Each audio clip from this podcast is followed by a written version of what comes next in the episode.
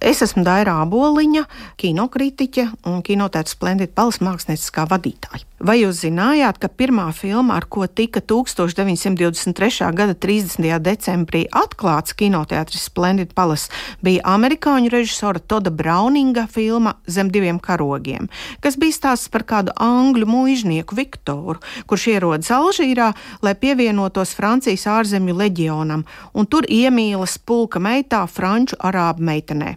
Diemžēl filmas beigas nav laimīgas, bet spraigi piedzīvojumi kara laukā publikai patika. Taču visspilgtākās leģendas kinoteātra vēsturē saistās ar režisora Viļa Lapenieka filmu Zvejnieka dēls, kas tika veidota pēc Viļa Lāča ārkārtīgi populārā romāna. Finansējumu pilnībā nodrošināja valsts.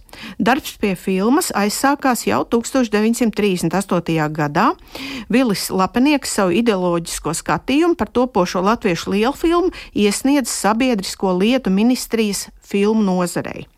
Atcaucoties uz kinozinātnieces Ingas Pērkonas rakstu izdevumā inscenējumu Realitāte Latvijas aktieru kino vēsture, gan dabas skati un zvejnieku sadzīve un tipāžu vizuālais tvērums filmā ir ļoti augstā profesionālā līmenī. Oskara tēls tiek simboliski salīdzināts ar lāču plēsu reālajā dzīvē. Pēters Lūcis, veidojot savu tēlu, izmanto patētiski melodramatisku spēles stilu. Filmā, atbilstoši jaunajam totalitārajam režīmam, galvenais konflikts ir starp jauno un veco. Skatītāju emocionālo uztveri virzīja komponista Jāņa Mediņa muzikālais noformējums, iekļaujot filmā arī muzikālus numurus. Piemēram, Rudolfa Bērziņa izpildīto Laša kundzi un valsi pie dzintara jūras, dubult kvarteta Tēvija un Tāļa Matīs izpildījumā. Galvenajā zvejnieka Oskara lomā tātad aktieris Pēters Lūcis, bet mīlestības trīsstūrī bija iesaistīts divas meitenes - Anita, kuru atveidoja Nina Melbārde, un Zenta, kuras lomā Milda Zīlava. Filmu uz ekrāniem iznāca 1940. gada 22. janvārī Splendid Palace, un uz pirmizrādi viesu vidū bija arī Kārlis Ulmans.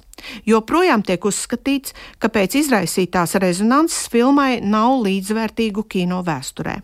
Kinoteātris cieta no interesantu viļņa un leģenda vēstīja, ka pirmizrādes laikā tika izsaukta policija, bet skatīties gribētāju pūlis tomēr nebija valdāms, un kinoteātrim Splendid Palace tika izlaustas ieejas durvis.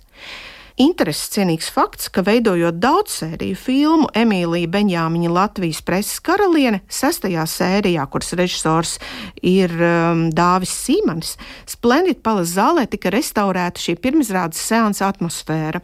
Līdzās Emīlijai bija arī Vilis Lapenieks, Vilis Lācis un daudzas citas tā laika prominences mūsdienu aktieru izpildījumā.